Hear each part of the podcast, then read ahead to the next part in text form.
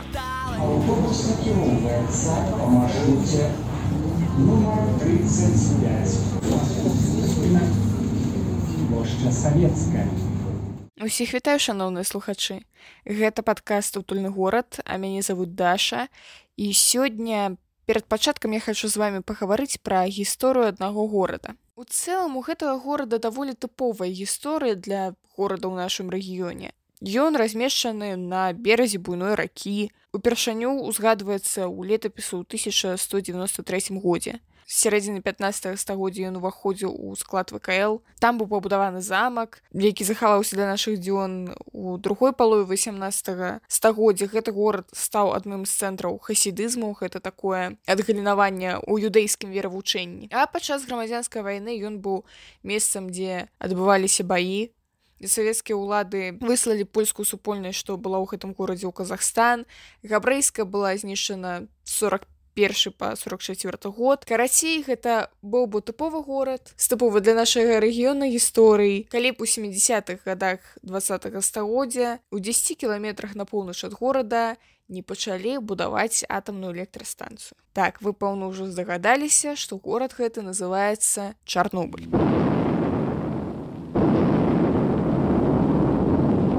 авария на чернобыльской атомной электростанции. Пакуль я рыхтавалася да гэтага выпуску я шукала матэрыялы у тым ліку на Ютюбе і мне падаецца непаводнай тэме якая датычыцца гэтага нашага рэгіёну. Няма такой колькасці матэрыялаў добрых і розных як пра чарнобыль. Дакументальныя фільмы каля ласачка. Мастацкія вялікі асартымент. Хочаце канспіралагічных тэорый?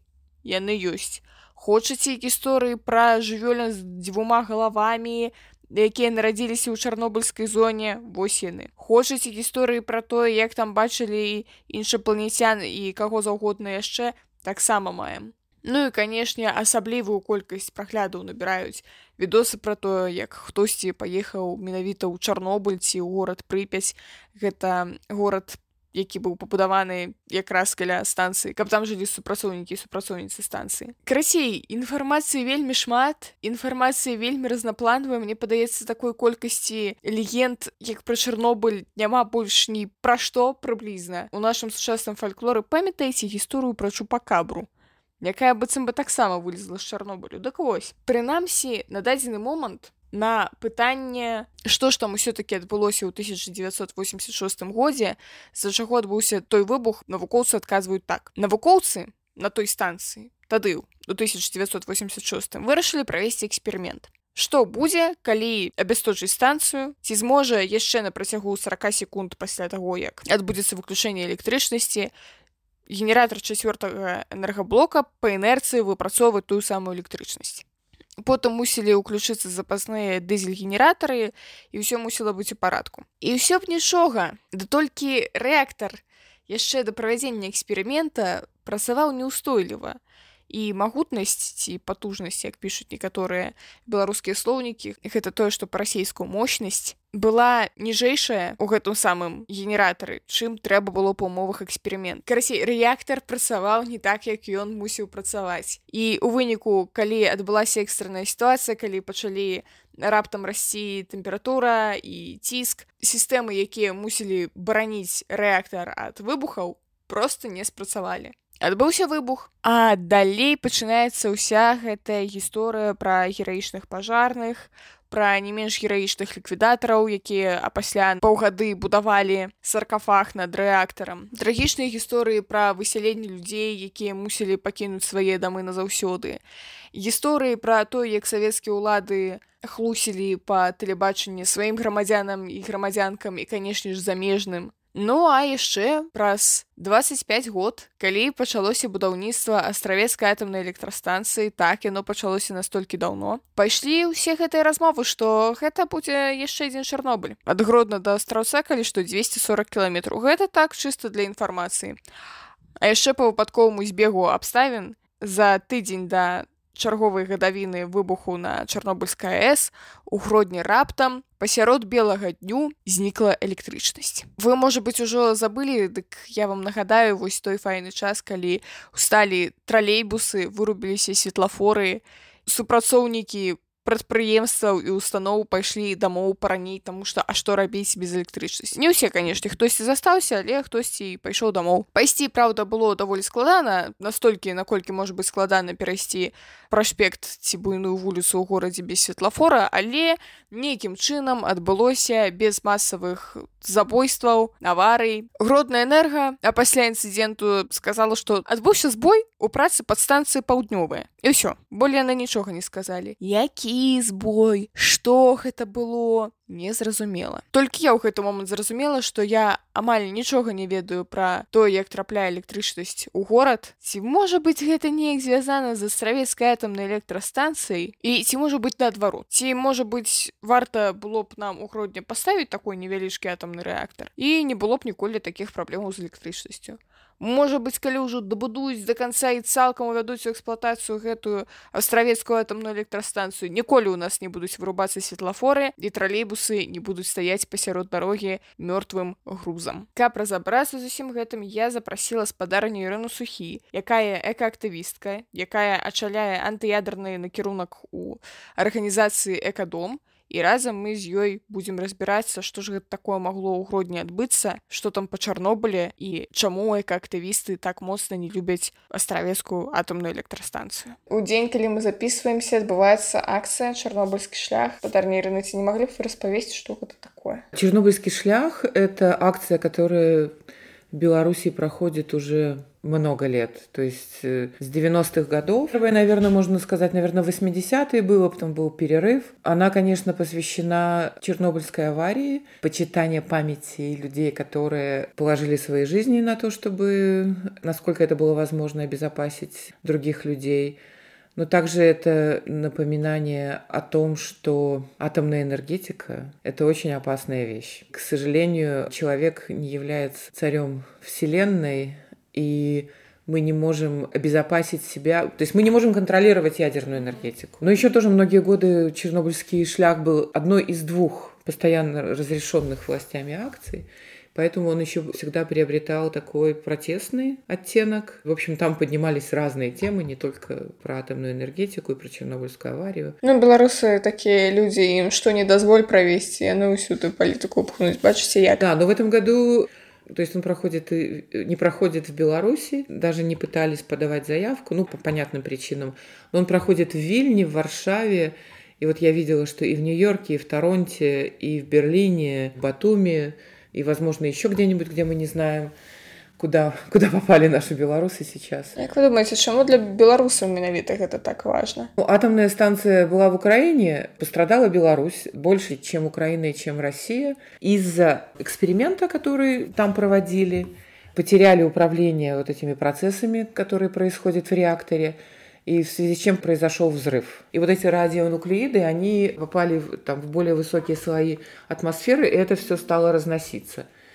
Поэтому вот сейчас, например, говорят про Островецкую АЭС, что это другой тип реактора, что там вот есть этот такой колпак, то есть таких взрывов не должно происходить. Они пытаются сказать, что такой аварии, как в Чернобыле, произойти не может. Буде инше. Да, но будет инше, то есть потому что водоводяные реакторы, вот такого типа, как сейчас наш Островецкий, в Фукусиме были. Все же, наверное, между прочим, смотрели сериал «Чернобыль». Там тоже про то, что там происходило, и показано, и рассказано. Вот специалисты говорят, что это вполне достоверно. Это не то, чтобы придумано. То есть пожар случился потом, графиты, еще что-то, они стали все расплавлять, и там это все стало гореть, кроме взрыва. В общем, все это, конечно, очень драматичные, конечно, события. Какие-то люди понимали, кто ликвидировал, какие-то вообще не понимали. Ну, а вот те пожарники, которые первые тушили, которые все, то есть, ну, в муках умерли. Померли яны, вядома, от прамянёвай хваробы. Наверное, не понимали, они просто тушили. Их послали, они тушили.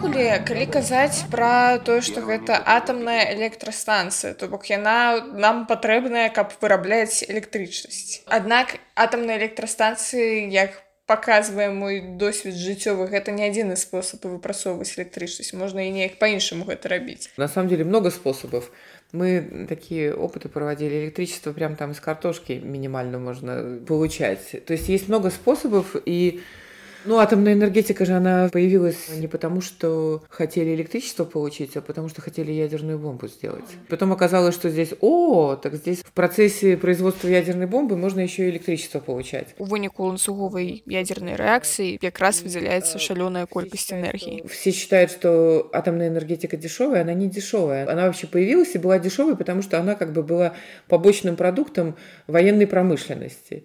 И когда была вот эта вся гонка вооружений, то да, то есть бомбы делали, ну и практически бесплатно получали электричество. Большинство атомных станций экономически не справляются, всегда имеют поддержку или дотации от государства. И независимо это там типа наша страна или какая-нибудь Британия или Франция – А калі не атомная электростанция все ж таки ёсць же нейкія іншыя у Беларуси электростанции откуда ж ну, смотрите в Беларуси до строительства атомной станции 99 наверное или там 98 процентов электричества именно электричество производилось на газовых станциях ну вот с климатической точки зрения достаточно чистое производство как бы небольшие выбросы СО2 по сравнению с э, угольными приблизительно когда начали строить атомную станцию была модернизация газовых станций, повысилось их КПД. Ну, понятно, что тотальное производство электроэнергии от газа – это ну, опасность, зависимость, зависимость от России. Атомная станция – это тоже зависимость от России, потому что это российская технология, топливо, в том числе российские специалисты. То есть белорусы подготовили какое-то количество, но понятно, что у них не было ни опыта, ничего. Вот на развилке при принятии решения о строительстве атомной станции, если бы, например, мы приняли решение, вернее, наша страна, я бы приняла такое решение, мы бы стали развивать возобновляемую энергетику, это был бы ну, самый лучший сценарий. И в 2009 году мы там с некоторыми разными специалистами, даже у нас есть такая брошюра, где посчитали сценарий газ-атомка, и газ-ветер. Он был гораздо более выгодный, потому что, ну, во-первых, ветряные установки строятся не 10 лет, а, в общем, там, три месяца, как ее там установить. И сразу начинаешь получать электричество. В принципе, там, в зависимости, конечно, от цены электричества, окупаемость там, ну, в принципе, тогда, по-моему, это было там от 5 до 10 лет – и к тому моменту, например, когда атомная станция была у нас построена, вот ветряные станции уже бы работали и вырабатывали. Газовые станции, их легко там перетушить, что называется, фитилек, или наоборот сделать больше мощности вырабатывать. Они легко регулируются. Больше ветра газ притушили, меньше ветра подкрутили в другую сторону. Когда у нас есть атомная станция, для которой вот эти вот притушили, открутили, это очень опасно, атомные станции выходят на такую заданную мощность и должны работать в таком стабильном режиме, без всяких колебаний. И когда построена атомная станция, всегда устанавливают дополнительные газовые мощности, которые должны гасить вот эти вот пики спада или там увеличения спроса на электричество. И, кстати, с этим у нас проблемы, потому что это должны были быть установки, которые производит Siemens. Беларусь попала под санкции, и, в общем, там не очень понятно, что-то они успели поставить, что-то не успели, что там сейчас, как это все будет дальше развиваться. Никто же сейчас никого не информирует, и как бы правды не добьешься.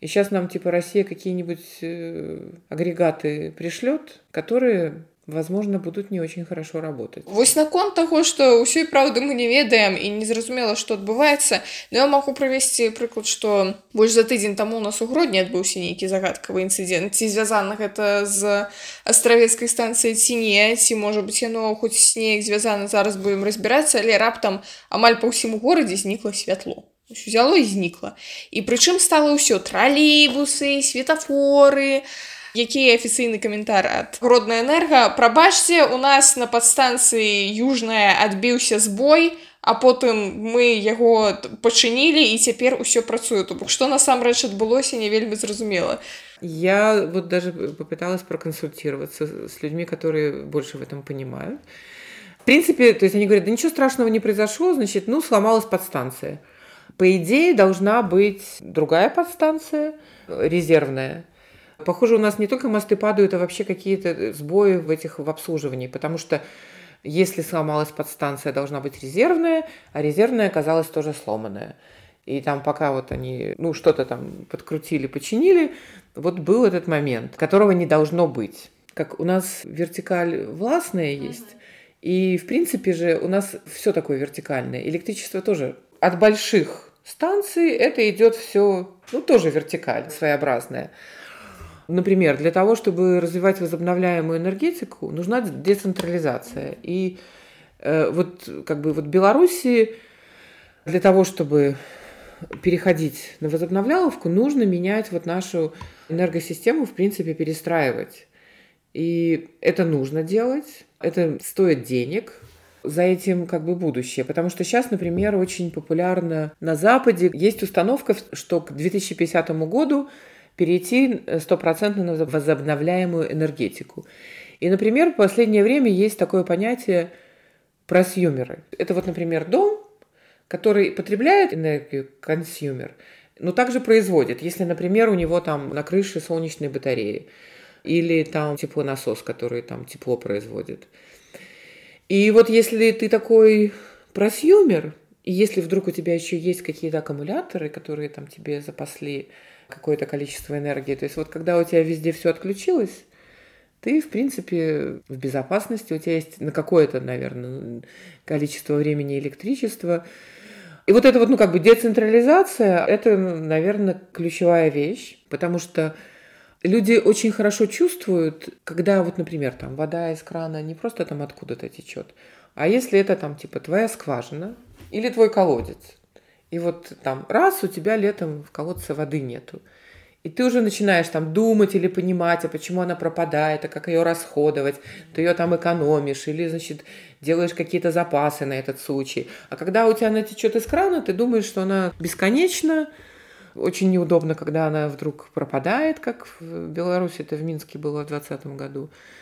Поэтому вот это вот свое ответственное, с одной стороны, и потребление, и производство, ну вот тоже развиваются очень активно вот эти энергокооперативы.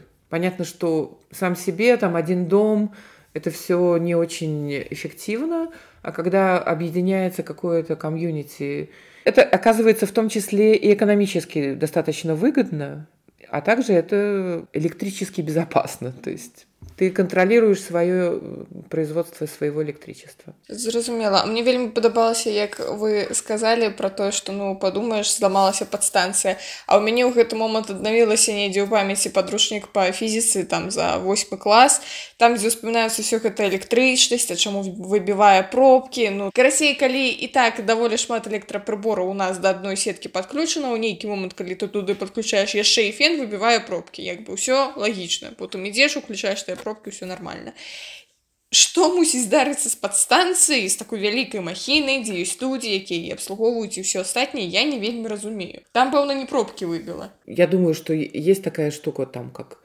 износ оборудования наша экономическая ситуация белорусская то есть там не хватило денег там заменить что-нибудь вовремя как бы ничего страшного, потому что это было на короткое время, потому что на длинное время это очень страшно. Как бы выключилось электричество, а в больницах идет операция. В принципе, в больницах должны быть э, свои генераторы, которые должны в такой ситуации включаться. Опять же, в каком, например, состоянии эти генераторы? Залито там бензин или дизель, в зависимости от того, готовы ли они к этому. Белорусам нужно отвечать самим за себя и следить за какими-то жизненно важными функциями, в том числе и самим. Наверное, наследие советское, патерналистское. То есть э, мы отдали заботу об этом государству. И мы думаем, что оно хорошо это делает. Контролировать, хорошо ли оно это делает, у нас сейчас нет никакой возможности. Поэтому, ну вот все и происходит. Ну тут трэба сказать, что люди неяк больш-менш нармальна сарыентаваліся калі вось гэта здарылася то бок ну уявіце сабе перасталі працаваць светлафоры ў вялікім горадзе яшчэ і тралейбусы сталі пасярод дарогі і што цікава не адбылося ні адной аварыі і нават ні аднаго пешахода не задавілі неяк людзі нават пераходзілі праспекты то бок ёсць нейкае вось гэтае імкненне да самаарганізацыі але пры гэтым сродкаў каб самаарганізавацца ў такой ступені кшталту ну я не магу пракантраляваць ці ў маім раённым шпітале ўсё нармальна з генератарамі А почему? Потому что я, ну, по-перше, я туда пройду и спытаю, а что у вас там с генераторами? Скажет, девушка, давай отсюда. По-другое, нават, калі б мне сказали, ну, ок, можешь пойти поглядеть, хотя это, конечно, не твоя справа. Я б пайшла, я по гэтым не зразумела приблизно ничего. Не, ну, пэўна, калі б там паутин не было и павуки бегали, я б подумала, что нечто не тое. Ну, это если, например, ты пришла, а если ты пришла, то есть ты посмотрела вокруг, э, нашла бы кого-нибудь, кто понимает про генераторы, Взяла бы кого-нибудь, как это, посолиднее, постарше, пришла такой делегацией, сказала, что ну, мы вот жители, мы волнуемся, мы хотим быть уверены, что вот как бы вот сейчас такое случилось, что если вдруг случится, а вдруг там там моя мама, папа, бабушка, мой ребенок будет в это время в больнице, мы хотим, чтобы все было окей.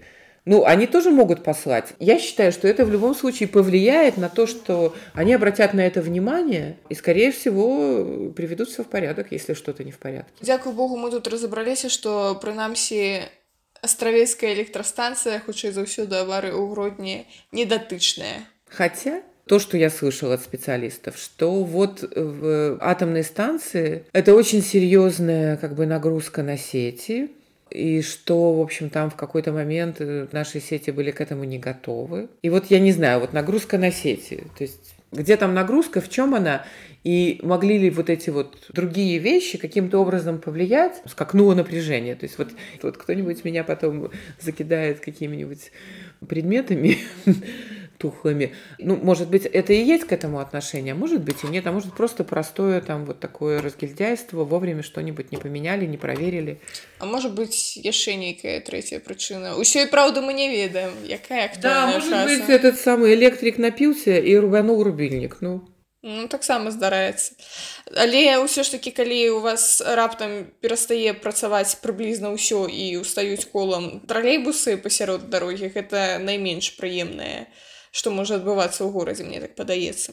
Это, конечно, как бы мирное время. То, что происходило в Украине, когда Россия обстреливала своими ракетами вот те же самые подстанции, в городах отключались все эти вещи.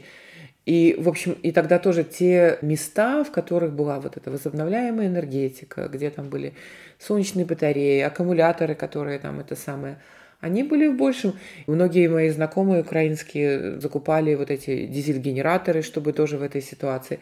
Вот момент автономности, получается, что он важен после окончания холодной войны, что уже опасности такой вот войны нету и никогда не будет. И вот. Поэтому нужно думать и отвечать самім за свае асноўныя нужды то бок можа быть тыя бабулі ў вёсцы якія перажылі вайну і потым засушвалі сухары і заўсёды глядзелі каб гэты запас сухароў быў і там былі яшчэ запалкі што яшчэ керасін можа яны имели рацыю в некотором сэнсе несколько лет назад очень раздражала меня фраза лишь бы не было войны и я думала, то есть, ну вот уже как бы вообще времена другие, и мы здесь не про войну, нам нужно как-то там нашу страну менять.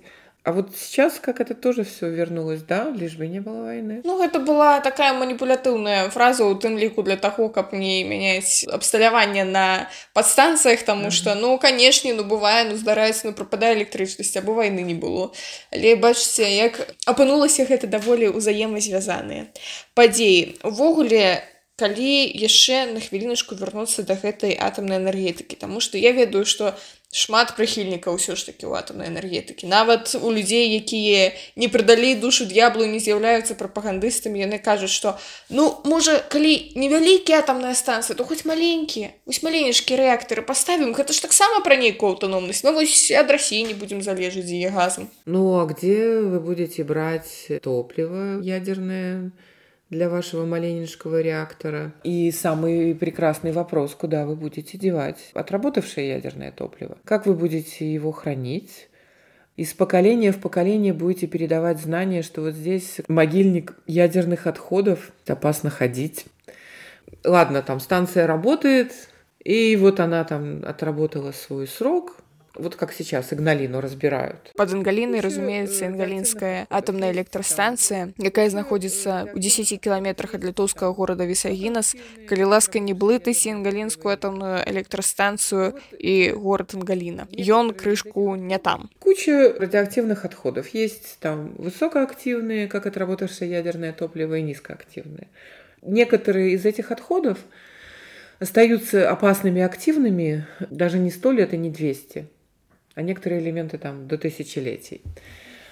То есть мы такую нормальную подкладываем свинью нашим потомкам, и вот потом ты думаешь, нужно ли заводить детей. Вот есть прям там физики, которые считают, что ядерная энергетика – это единственная нормальная возможность. Они верят вот в науку, в прогресс, в то, что мы можем все контролировать. Где-то тоже говорили, что авария такого масштаба, как Чернобыльская, может произойти, то есть вероятность раз в тысячу лет. Ну и да, мы смотрим, сколько тысяч лет прошло от Чернобыльской до Фукусимской аварии.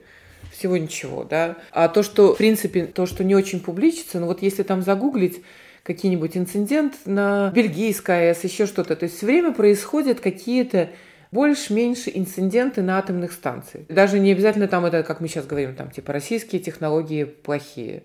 Французские тоже плохие, американские плохие, потому что вот стопроцентную гарантию невозможно, потому что кроме того, что оборудование нашивается или там сбоит, люди сбоят.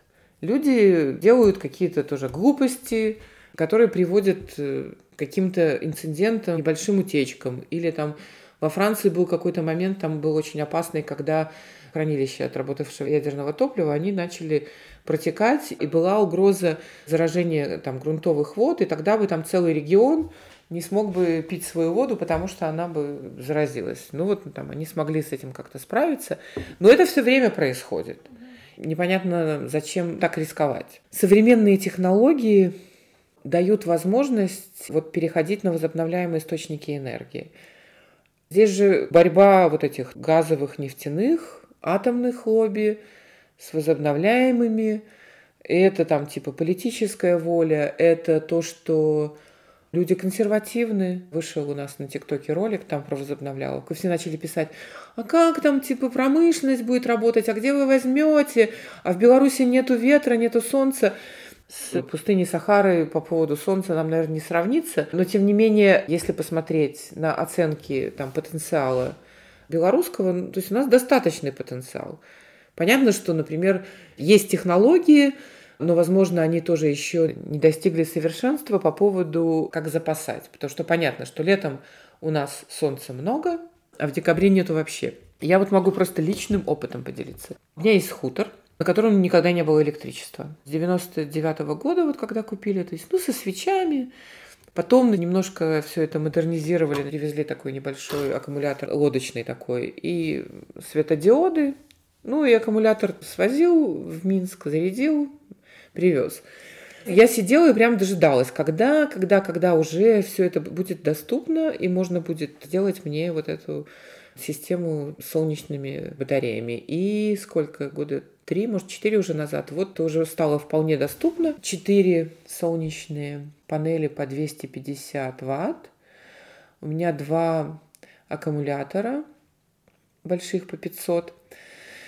И в летнее время Вообще электричество ну, хватает на все что угодно. Хочешь пылесос, хочешь холодильник, хочешь там включил какой-нибудь дрель, хочешь включил электропилу. Ну, любые приборы, которыми мы привыкли пользоваться, можно сколько угодно пользоваться.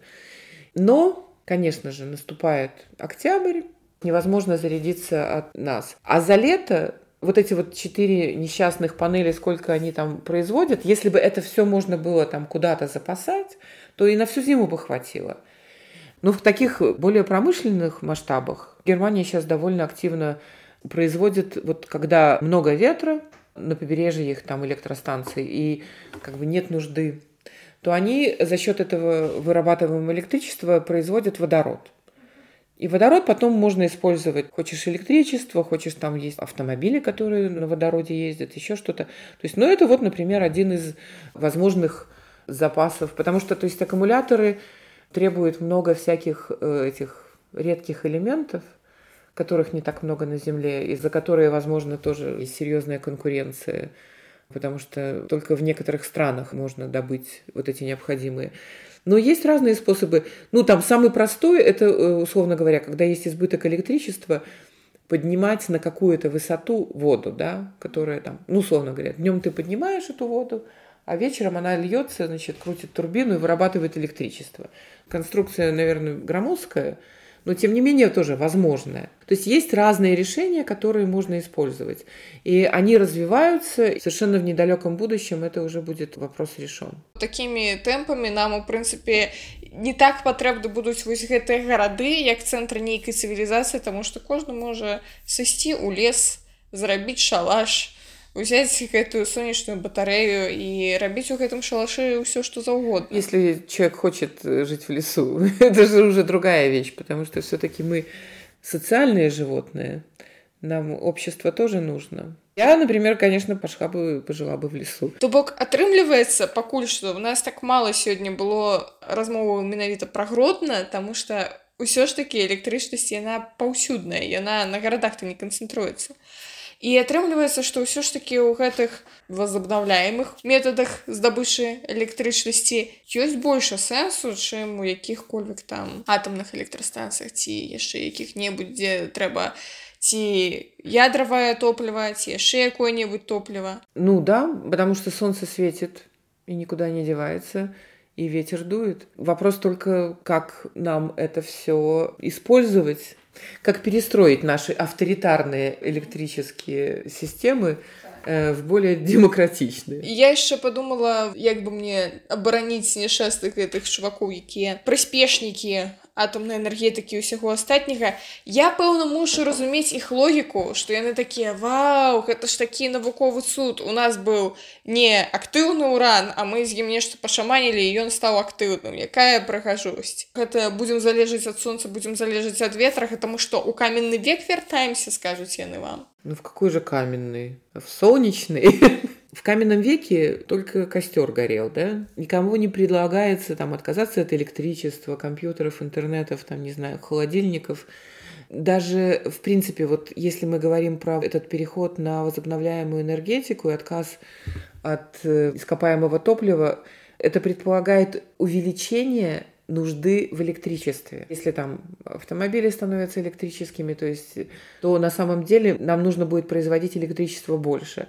Ну и те же самые там типа ученые, другие ученые, да, они оценивают, рассматривают и говорят о том, что это возможно, что этого потенциала хватает, и что мы можем все наши нужды закрыть возобновляемыми источниками. Так почему нет? Вось на такой позитивной ноте мы, пэўна, и скончым наш подкаст. Я еще могу сказать, что я недавно даведалась, як беларуску полезные ископаемые, карысныя выкапні мне вельмі падабаецца я так хочу на кого-небудзь спалаецца выкапень ты карысны Вось таму спадарства як мага меней карыстаемся карыснымі выкапнямі там больше яны і так непрыгожа гучаць па-беларуску карыстаемся тымі крыніцамі якія можна аднаўляць і і самі отвечаем за сваё потребление і кантралируем его спадарня Ірына А можа яшчэ трэба зараз подпісацца на якія-небудзь суполки там у тикток у нстаграме на ваш инстаграм может трэба ой нет конечно же нужно подписаться на тиктоки фейсбуке инстаграмы экодома нужно обязательно писать экодом нго мы сейчас стараемся развивать наш тикток и там про ядерную энергетику много сейчас прекрасных роликов с Андреем Ожаровским, где он там за 30 секунд объясняет много разных там важных моментов. И телеграм-канал Экодома есть, где мы тоже рассказываем не только про энергетику, а про массу всяких интересных и полезных вещей. Так что подписывайтесь, будем рады. А я таксама скажу, што подписывайтесь на наш подкаст, таму што мы тут таксама распавядаем пра ўсякія карысныя рэчы, як то карысныя выкапні жартую як усякія урбаністычныя пытанні стаўце лайки зорачкі усе астатнія прыемныя адзнакі і хутка мы з вами пачуемся бывайте поэтому